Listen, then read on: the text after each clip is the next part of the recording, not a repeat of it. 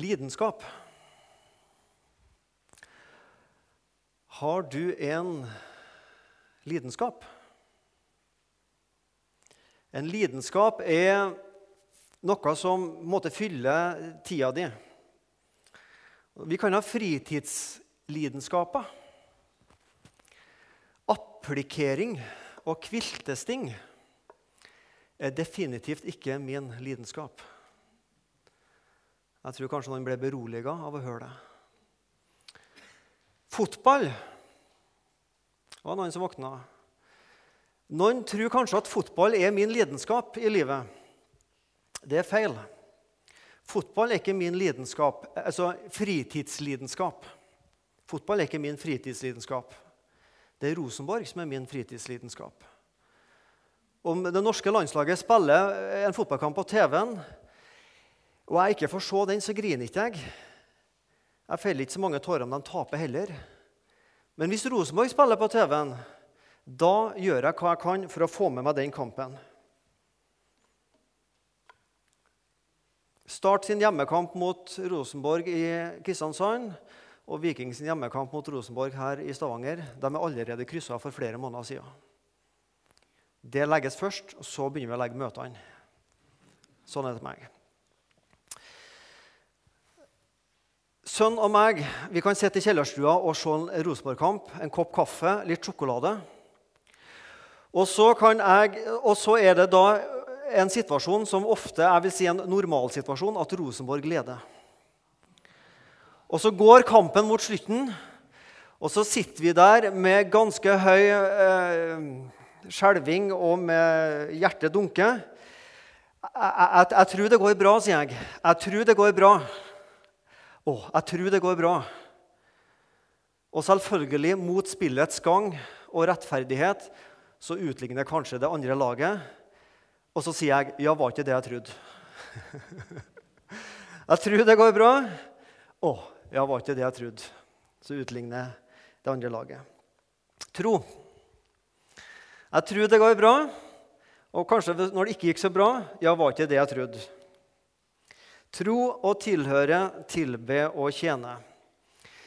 Mange av dere var her sannsynligvis for eh, to uker siden når vi starta på denne serien om disse fire t-ene. Og Dem skal du bli ganske godt kjent med denne våren hvis du går her på formiddagsmøtene. Det skal jeg love deg. Jeg snakka litt om at vi må ha et fjell å bygge livet vårt på som Jesus snakker om i Matteus. En grunn å stå på, et fjell som bærer. Og jeg tror disse fire t-ene er fire verdier som det er godt å stå på. Å tro, å tilhøre, å tilbe og tjene. Og I dag så starter vi på tro. I dag skal jeg snakke om å komme til tro. Neste søndag skal Arnfinn Røyland snakke om å dele troa. Og om to uker skal kona hans, Helga Røyland, snakke om å leve i troa. Så de tre neste søndagene så handler det om tro. Denne verdien å tro. Å komme til tro. TRO, tro, et abstrakt begrep. Filosofi, mening, overbevisning, vil kanskje noen si. Jeg har mi tru, sier noen. Og Det sier jeg også. Jeg har også min tro, for ei tro er alltid personlig. Jeg kan ikke tro for deg. Du kan ikke tro for meg. Vi lever i et kristent land, sier vi av og til. Jeg er ikke så sikker på om vi gjør det, men, men vi sier noe av og til det. Men det betyr ikke at et land kan tro for meg, eller du for et land. Troa er alltid personlig.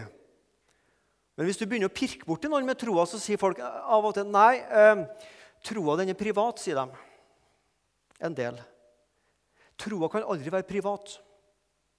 Finn ingen plass i Det nye testamentet at Jesus sier 'hold troa for deg sjøl'. Den er privat, den er din ting. Nei, den er personlig, men den er aldri privat. Den skal leves ut, den skal bekjennes, og den skal ikke vi skjemmes av, som vi hørte tidligere i dag. Å komme til tro i løpet av de neste minuttene så skal du få møte fire personer som kom til tro. Tre av dem har fått sitt navn rissa inn med gullgriffel i verdenshistorien. Den fjerde har det definitivt ikke. Fire personer. Fire ulike personer som kom til tro på Jesus Kristus på ulikt vis. Det er mange veier til Jesus, men det er kun én vei til Gud, og det er Jesus. Så nå skal du få bli med på en trosvandring med fire personer.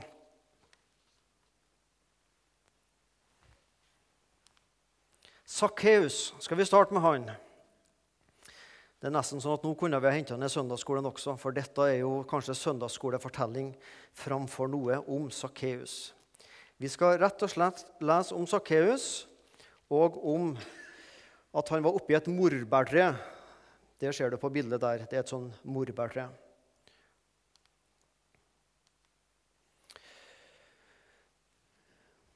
Og Jesus kom inn i Jeriko.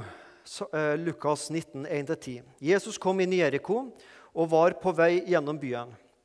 Og se, det var en mann som het Sakkeus. Han var overtoller og en rik mann. Han søkte å få se Jesus, hvem han var. Men han kunne ikke komme til for folkemengden, for han var liten av vekst. Han løp da i forveien og klatret opp i et morbærtre, altså ikke jordbærtre, men morbærtre, for å få se ham. For hans vei, Jesu vei, gikk der forbi. Da Jesus kom til stedet, så han opp og sa til ham, 'Sakkeus, skynd deg ned, for i dag må jeg bli i ditt hus.' Han skyndte seg da og steg ned, og han tok imot ham med glede. Men da de så det, knurret de alle, sa, alle og sa, 'Han tar inn hos en syndig mann.' Men Sakkeus sto fram og sa til Herren, 'Se, Herre, halvdelen av det jeg eier, gir jeg til de fattige.' Og har jeg presset penger ut av noen, skal de få det firedobbelte igjen. Jesus sa til ham, I dag er frelse blitt dette hus til del, siden han også er en Abrahams sønn. For menneskesønnen er kommet for å søke og frelse det som var fortapt. En fantastisk historie. Sakkeus var neppe klar over den gangen at dette kom til å bli lest i flere tusen år etter han levde men han har skrevet sitt navn inn i verdenshistorien. Han søkte å få se Jesus, eller som det står i en annen oversettelse, han ville se hvem Jesus var. Det var en lengsel i Sakkeus etter å møte Jesus. Men han hadde et problem. Han var liten av vekst. Men nettopp Sakkeus sitt problem ble Sakkeus sin mulighet. Nettopp fordi Sakkeus var liten av vekst, så måtte han da finne seg dette morbærtreet og klatre opp i, og han fikk nærkontakt med Jesus. Vi har lest den historien, og her finner du sikkert mange viktige vers og mange viktige enkeltord. Jeg skal i dag stoppe for ett enkeltord som jeg ikke har tenkt over før. Men det er dette enkeltordet forveien. Sakkeus løp i forveien for Jesus. Forveien, var det så veldig åndelig, da? Sakkeus skjønte at han måtte være ute i god tid for å få god plass. Han var en av de første som kom, og han fikk en god plass. Viktig å være ute i god tid, så du får tatt av de beste stolene. Men hvem var egentlig først ut? Hvem var egentlig først i Jeriko? Det var Jesus. Jesus var før Sakkeus. Jesus skapte Sakkeus, og Jesus hadde i forveien lagt ned en lengsel i Sakkeus sitt hjerte. Nå var timen her for Sakkeus, men dette møtet var forberedt gjennom ei evighet. Det var ikke noe tilfeldig møte, så sjøl om Sakkeus løp i forveien, så hadde en vært før Sakkeus, og det var Jesus. Da jeg studerte teologi for en del år siden, så lærte jeg følgende uttrykk. Guds forutgående nåde. Har du hørt uttrykket før? Guds forutgående nåde. Poenget er før jeg søker Gud, så søker Gud meg. Før jeg kom på tanken å tro på Jesus, så har Gud vært i mitt liv og lett etter meg og lagt ned en lengsel i meg etter Gud. Jesus har vært i forveien i ditt liv og i mitt liv. På ulike måter. Da vi ble født med synd, så ble vi også født med loven, Guds vilje, nedlagt i våre hjerter. Og Den ligger der og ulmer og så pirker borti samvittigheten vår. Slik har Gud på forveien vært og pirka borti oss fordi han har lagt ned sin vilje gjennom loven i vårt hjerte. Sånn at vi vet litt om hva som er rett og galt, slik at synda blir avdekka. På en måte så har Gud vært i forveien og lagt ned en religiøs interesse og lengsel. Jeg vet ikke hvor jeg skal gå med den. Slik atenerne i Aten de reiste et gudebilde for en ukjent gud. De var religiøst anlagt. Gud hadde vært der og lagt ned en religiøs lengsel, men de visste ikke hvem de skulle gå til med denne lengselen. De visste det var noe guddommelig. Gud kan være med dagligdagse hverdagshendelser eller store verdenshendelser for å vekke oss, og så går Gud forut og gjør noe i livet vårt for å vekke oss. Det kan være venner, det kan være slekt, naboer, arbeidskollegaer som var en duft av Jesus for deg. Sånn at du fikk møte et menneske som dufta av Jesus, av Guds godhet. Og så skaptes det en lengsel i deg etter å bli kjent med denne duften Jesus Kristus. Gud kan også gå forut på den måten at han skaper en lengsel til det som en gang var. Fire kapitler før Sakkeus er det lignelsen om den bortkomne sønn. Han hadde erfart Guds godhet, han gikk ut i verden, og så står det om ham. Da kom den bortkomne sønn til seg selv og sa:" Hvor mange leiefolk hos min far har overflod av brød, men jeg setter livet til her av sult. Da hadde Gud vært der og pirka borti hans sitt liv og lagt ned sin godhet i den bortkomne sønn, slik at han fikk en lengsel tilbake til det som en gang har vært. Guds forutgående nåde. Noen kan også oppleve tegn og undre, ekstraordinære guddommelige hendelser. Poenget er før jeg kom til tro på Jesus, så har han lenge dratt på meg og latt meg oppleve en forsmak av Hans nåde, hans nye liv. Guds forutgående nåde. Tro pluss tilgivelse er lik frelse. Jeg ser for meg denne historien. Sakkeus på vei mot Jesus. Og denne veien er trosveien til Sakkeus. Han går mot Jesus. Og samtidig så går Jesus mot Sakkeus med sin tilgivelse. Så her går en synder i Sakkeus mot den rettferdige Jesus i tro. Og så går den rettferdige Jesus mot synderen med tilgivelse. Og når tro og tilgivelse møtes, så blir det frelse. Troa som søker Jesus, tilgivelse, Gud som søker meg og vil tilgi meg. Og når det smelter sammen, så har vi frelse. Det er som vi synger i denne gamle salmen, der jeg ser for meg gjerne Sakkeus og Jesus, eller skal vi si deg og meg og Jesus. Der salmisten sier det sånn Du som freden meg forkynner. Du en frelser, jeg en synder. Du med amen, jeg med bønn. Du med nåden, jeg med skammen. Sakkeus og Jesus, meg og Jesus. Så ulike, så forskjellige, så på hver vår planet, som enkelte sier. Og så møtes vi i tro og tilgivelse, og hvor vi dog passer sammen. Du, Guds salvede Guds sønn. Jeg syns det er et fantastisk evangelium. Du og meg som syndere på vei mot Jesus i tro. Jesus som den rettferdige på vei mot Sakkeus, deg og meg, med sin tilgivelse. Og så møtes vi der. Og hvor vi dog passer sammen. Da er vi frelst. Da tilhører vi Jesus. Da har vi kommet til tro. Sakkeus så sin synd. Sakkeus så sin mulighet. Sakkeus møtte, ja, han ble møtt av den rettferdige som tilgir. Sakkeus ble frelst. Han ble en troende. Han kom til tro på Jesus Kristus. Og Vi har mange sånne fantastiske fortellinger ikke sant, i Det nye testamentet. Kvinner grepet i hor.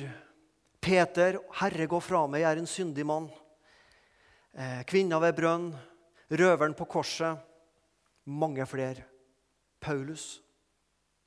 Og han er den andre du skal få møte i dag, som kom til tro på Jesus. Paulus på vei til Damaskus. Paulus som opplevde denne radikale forandringa av sitt liv.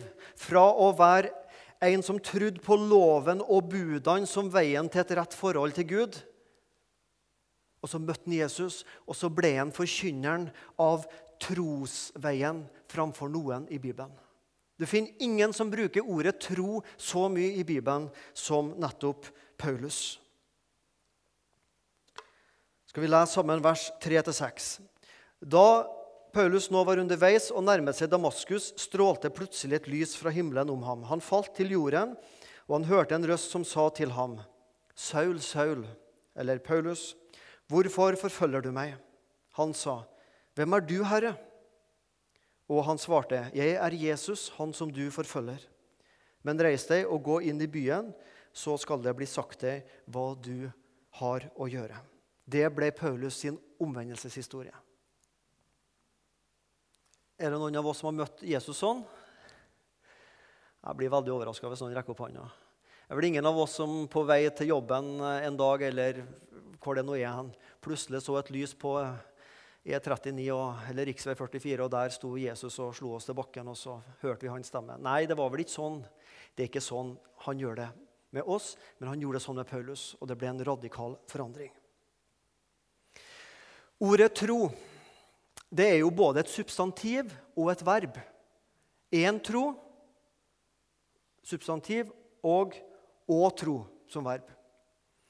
Jeg tok for meg eh, ord, bibelordboka i går, og så begynte jeg litt kjapt å telle.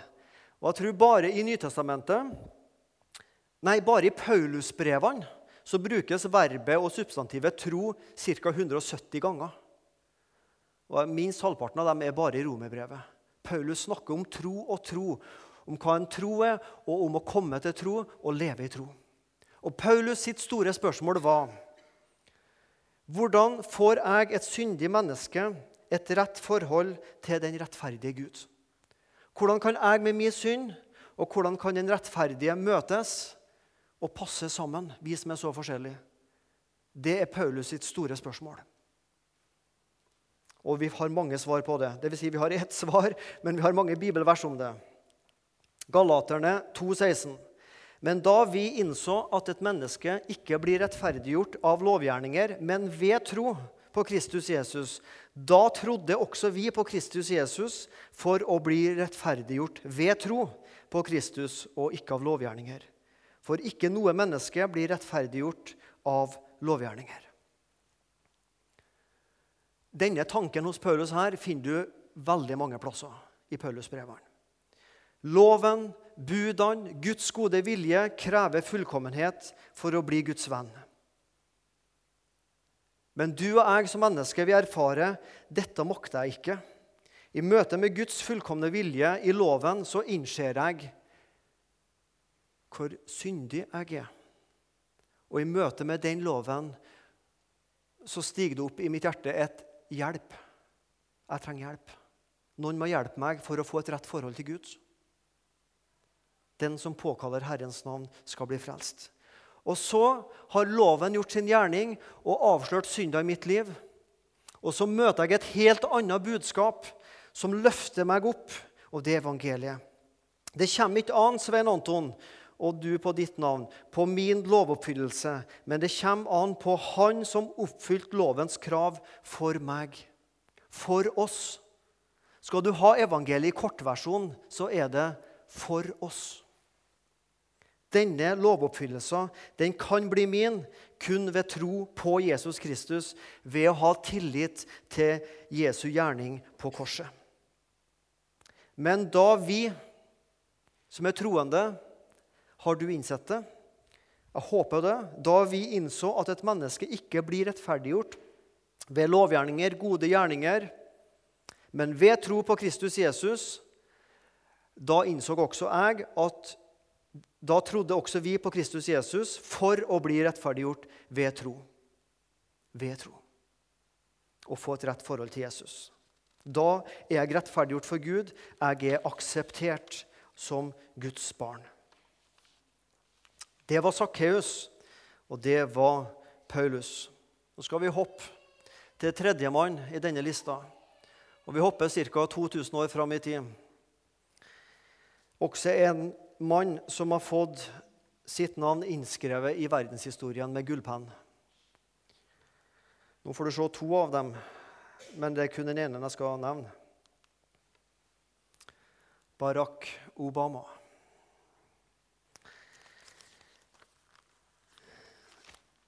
Det sto et lengre stykke om Barack Obama og om hans kristne tro i Vårt Land her for en par uker siden. Og Det var tatt ut fra ei bok han har skrevet som heter så mye som 'Mot til å håpe'. Barack Obama var ikke vokst opp i den kristne tro. Men gjennom det kristne fellesskapet han fikk erfare og oppleve i Chicago, Gjennom det og gjennom at han innså tomheten i et liv uten tro og et liv uten en følelse av målrettethet, som han bruker. En følelse av målrettethet. Jeg må ha noe større å leve for enn mitt eget liv. Og han innså at et liv med Kristus betyr et positivt engasjement for mennesker og rettferdighet her i tida. Nå skal vi lese litt fra denne boka. Det var takket være denne nyoppdagede forståelsen av at et religiøst engasjement ikke krevde at jeg skulle oppheve all kritisk tenkning, løsrive meg fra kampen for økonomisk og sosial rettferdighet eller på annen måte trekke meg tilbake fra denne verden jeg kjente og elsket. At jeg til slutt ble i stand til å gå opp kirkegulvet i Trinity United Church of Christ og la meg døpe. Det skjedde som et valg ikke som en åpenbaring.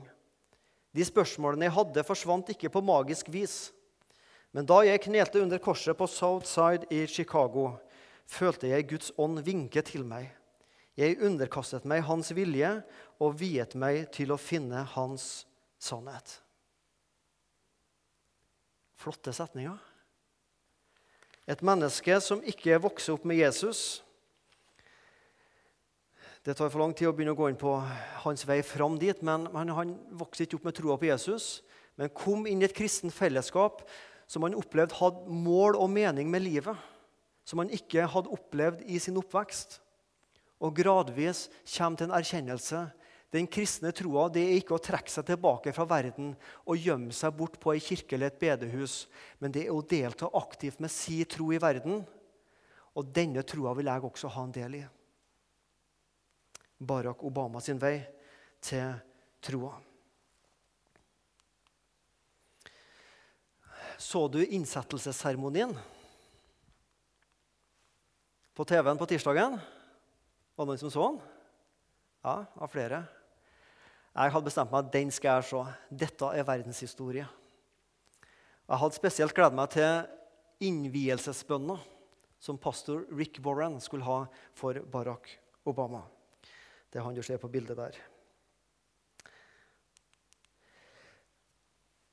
Jeg vet ikke om du kjenner Rick Warren, men hvis du har kanskje hørt om boka 'Målretta liv', solgt i 40-50 millioner eksemplarer i verden. Han er forfatteren bak den. Leder ei sånn svær kirke i Los Angeles. Han regnes for å være en teologisk konservativ pastor. Og så ber, da spør Barack Obama om han kan kan du be for meg ved denne innsettelsesseremonien? Og Det skaper to debatter i USA. Jeg skal ikke bruke mye tid på det her, men jeg, det er litt kjekt likevel å nevne det. Den ene debatten var jo hvordan kan Barack Obama, som blir opplevd å være litt mer liberal enn, enn kanskje noen andre, be en konservativ pastor be for seg. Det skuffa liksom en del liberalere. Det var den ene debatten. Og den andre debatten I hvilket navn kommer Rick Warren til å be? Kommer han til å snakke om Gud, sånn at liksom muslimer, jøder og hinduer kan kjenne seg inkludert i dette? Kommer han til å be til Gud med liten bokstav eller stor bokstav? Jeg vet ikke hvordan du skjønner liten og stor bokstav når du hører bønn, altså, men det var jo en debatt. Eller kommer han til å be i Jesu navn? Den syntes jeg var spennende, så jeg hadde benka meg til på sofaen hjemme og tenkt nå skal vi høre i hvilket navn Rick Warren ber. Og så kommer bønna. Skal ikke ta hele den. Vi skal ta med slutten. I humbly ask this in the name of the one who changed my life. Jeg ydmykt ber dette, som da foran har bedt, i navnet til den ene som forandra mitt liv. Og så tenkte jeg ja, nå kommer det Jesus. Men ikke bare kommer Jesus, men for virkelig å si fra klart og tydelig til alle slags religioner og alle slags verdensspråk hvem jeg ber til, så sier Rick Warren I humbly ask this in the name of the one who changed my life. Yeshua, Issa, Jesus, Jesus. Jeshua, det jødiske navnet på Gud. Issa, det muslimske navnet på Jesus.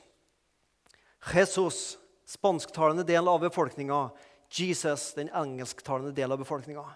Jeg vil at verden skal vite at det vi nå gjør, at han vi ber til å bekjenne, det er Jesus. Det er ingen allmenn guddommelig kraft i universitetet som mange kan bukke til og synes er litt sånn fint og passe allmennreligiøst. Nei, det er Jesus. Herlig. Og jeg er langt fra noe følelsesmenneske, men jeg var opp med og tørka en par tårer under øynene mine. Jeg syns dette var sterkt. Altså. Her skal dere høre verden hvem vi ber til. Vi ber til Jesus. Og jeg tenker på andre Timoteus. Jeg vet på hvem jeg tror. Jeg skammer meg ikke, sier Paulus, ved mine lidelser. Jeg vet på hvem jeg tror. Jeg tror på Jesus. La oss ikke skjemmes over hvem vi tror på. Vi tror på Jesus, Jeshua, Issa, Jesus. Jesus. Fantastisk. Ja, det var de tre navnene innskrevet i verdenshistorien med gullskrift, gullpenn eller gullgriffel. To til og med innskrevet i bøkenes bok, Sakkeus og Paulus. Den fjerde Ikke Rick Warren, altså. han har selvfølgelig også sitt navn der, men den fjerde jeg skal si litt om. Den fjerde troende han har ikke sitt navn innskrevet i verdenshistorien. Hans navn står også i en par bøker, en par lister. Husbanken og Sparebanken Pluss, i tillegg til å stå på lønningslista til Norsk Luthersk Misjonssamband i Stavanger krets. Det er han som du nå ser på, hvis du ennå ikke har sovna under talen. Jeg skal si litt om meg, men det blir litt. Jeg har også min vei til tro på Jesus. Jeg er ikke vokst opp så mye med Jesus. Det var ikke så mye Jesus i min familie. Jeg er vokst opp i en norsk allmennreligiøs hjem på 70-tallet. Du var ikke bekjennende kristen, men du var iallfall ikke hedning. Så du sendte ungene dine på søndagsskole, og så gikk du i kirka ved de store anledningene. For å karikere det litt. Men det var et gjennomsnitt norsk 70-tallshjem som jeg vokste opp i. Der vokste jeg opp. Men jeg ble sendt på søndagsskole og fikk noen opplevelser av det som har med kristendom å gjøre. Jeg kom til konfirmasjonsalderen, skulle lese for presten, som vi sa i Trøndelag, og, og tenkte jeg må finne ut litt mer om det her med kristendom. Lang historie kort. Ble med i et ungdomskor Fikk kristne venner. Og sakte, men sikkert så kom dette på innsida. Så gikk det fra hodet, og så gikk det ned til hjertet. Ble med i ei misjonsforening med helst folk over 50 og 60 år. Så var vi to ungdommer på 15 år der. Fantastisk historie. Jeg skal ikke trøtte dere mer med den. men jeg fikk en opplevelse av det som står Paulus skriver i Efeserne 2, 8 og 9, som min konfirmantprest skrev i min konfirmantbibel. For av nåde er dere frelst ved tro. Det er ikke deres eget verk. Det bygger ikke på gjerninger og lovgjerninger, men det er en Guds gave ved tro. Så ble det mitt vers. Galaterne 2,20 er mitt vitnesbyrd. Jeg er korsfestet med Kristus. Jeg lever ikke lenger selv, men Kristus lever i meg. Det livet jeg nå lever, det lever jeg i troen på Guds sønn, Han som elsket meg og gav seg selv for meg. Det er mitt vitnesbyrd. Mitt liv vil jeg leve i samfunn med Jesus, som en av de mange som er i hans nærhet. Jeg også hørt hans stemme som kalt, og jeg svarte, 'Jeg følger deg, Jesus. Jeg følger deg. Jeg følger deg.' Jeg sa det en høstdag i 1980, og jeg sier det i en januardag i 2009. Og jeg ønsker at det er det siste jeg skal si her på jord. Jeg følger deg, Jesus. Det er mitt vitnesbyrd. Jeg vil ikke gå bort fra Han. Skal vi si dette bibelverset sammen i kor? Jeg er korsfestet med Kristus. Jeg lever ikke lenger selv, men Kristus lever i meg. Det liv jeg nå lever, det lever jeg i troen på Guds sønn, Han som elsket meg og ga seg selv for meg.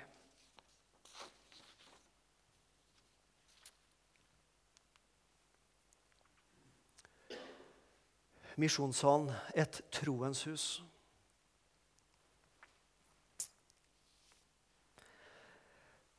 Har du spurt mennesker som ikke går her til vanlig, som ikke bekjenner troa, hva, hva de tenker om dette huset? Hva de tenker på når de tenker på misjonssalen? Det er ikke sikkert vi har spurt så mye om det. Kanskje vi heller skulle ha spurt mennesker hvem tenker du på når du tenker på misjonssalen. Du skjønner poenget nå? Poenget er ikke at folk skal tenke på meg eller Morris eller Arnt Ove eller en søndagsskolelærer eller hvem du vil, men at vi skal tenke på Jesus. Misjonssalen er et troens hus. Et hus hvor de troende samles. Bibelen snakker mye om tro. Om å komme til tro. Om å leve i tro. Om å dø i tro. Om å vandre i tro. Om å vokse i tro. Om å være frelst ved troa. Om liten og svak tro. Om stor og sterk tro. Ja, om å være full av tro. Om å be i tro. Og om å be om å få større tro om å være rik i troa og stå fast i troa, være lydig i troa og være lydig mot troa, og stride troens gode strid. Først og fremst så snakker Bibelen om å tro på. Fordi tro er et relasjonsbegrep, som vi sier. Jeg tror, sier folk. Da skal du spørre ja, hva tror du på? For du må alltid tro på noe. Du kan ikke bare tro. Du tror jo på et eller annet. Tro er relasjon og person Jesus, ikke religion og prinsipper. Vi tror på Jesus, Kristus, Jeshua, Issa, Jesus, Jesus. Han som møtte den rike og ensomme Sakkeus. Han som møtte den sjølrettferdige fariseeren Paulus. Han som møtte en ung, åndelig og identitetsmessig rotløs, men samtidig ærlig søkende mann i Chicago for en del år siden. Og han som møtte meg. Og han som møtte deg. Og han som fortsatt kan og vil møte deg som ennå ikke har et personlig forhold til han som er verdens frelser. Jesus lengter etter at du skal komme til tro. Lykke til med det, og lykke til med trosreisa. Og velkommen til å være med videre. Disse talene som vi tar opp på disse temamøtene, de finner du igjen på www.misjonssalen.no. Der blir de lagt ut. Der kan du gå inn og høre dem en gang til hvis du ønsker, eller hvis du da går glipp av et møte. Så blir de lagt ut der. Kjære Jesus, vi er samla her som troens folk. Vi er samla fordi vi tror på deg. Ikke fordi du tror på oss, men fordi vi tror på deg. Men takk for at du likevel har den tilliten til oss, at du stopper opp også ved meg. Du stoppa opp ved oss, Jesus, med vårt tre og kalte oss ned fra vår stolthet, eller drog oss opp fra vår elendighet. Eller kalte oss inn til fellesskap med deg fra vår likegyldighet. Takk for at jeg har fått komme til tro. Takk for at vi har fantastiske mennesker i Bibelen som er gode forbilder, som Sakkeus og Paulus og andre som kom til tro på deg, Jesus. Herre, rør ved våre hjerter, sånn at vi som sitter her og hører dette, spør oss sjøl er jeg blant dem som tror på deg, som har min sak i orden med Gud. Herre, gi at vi må ha det.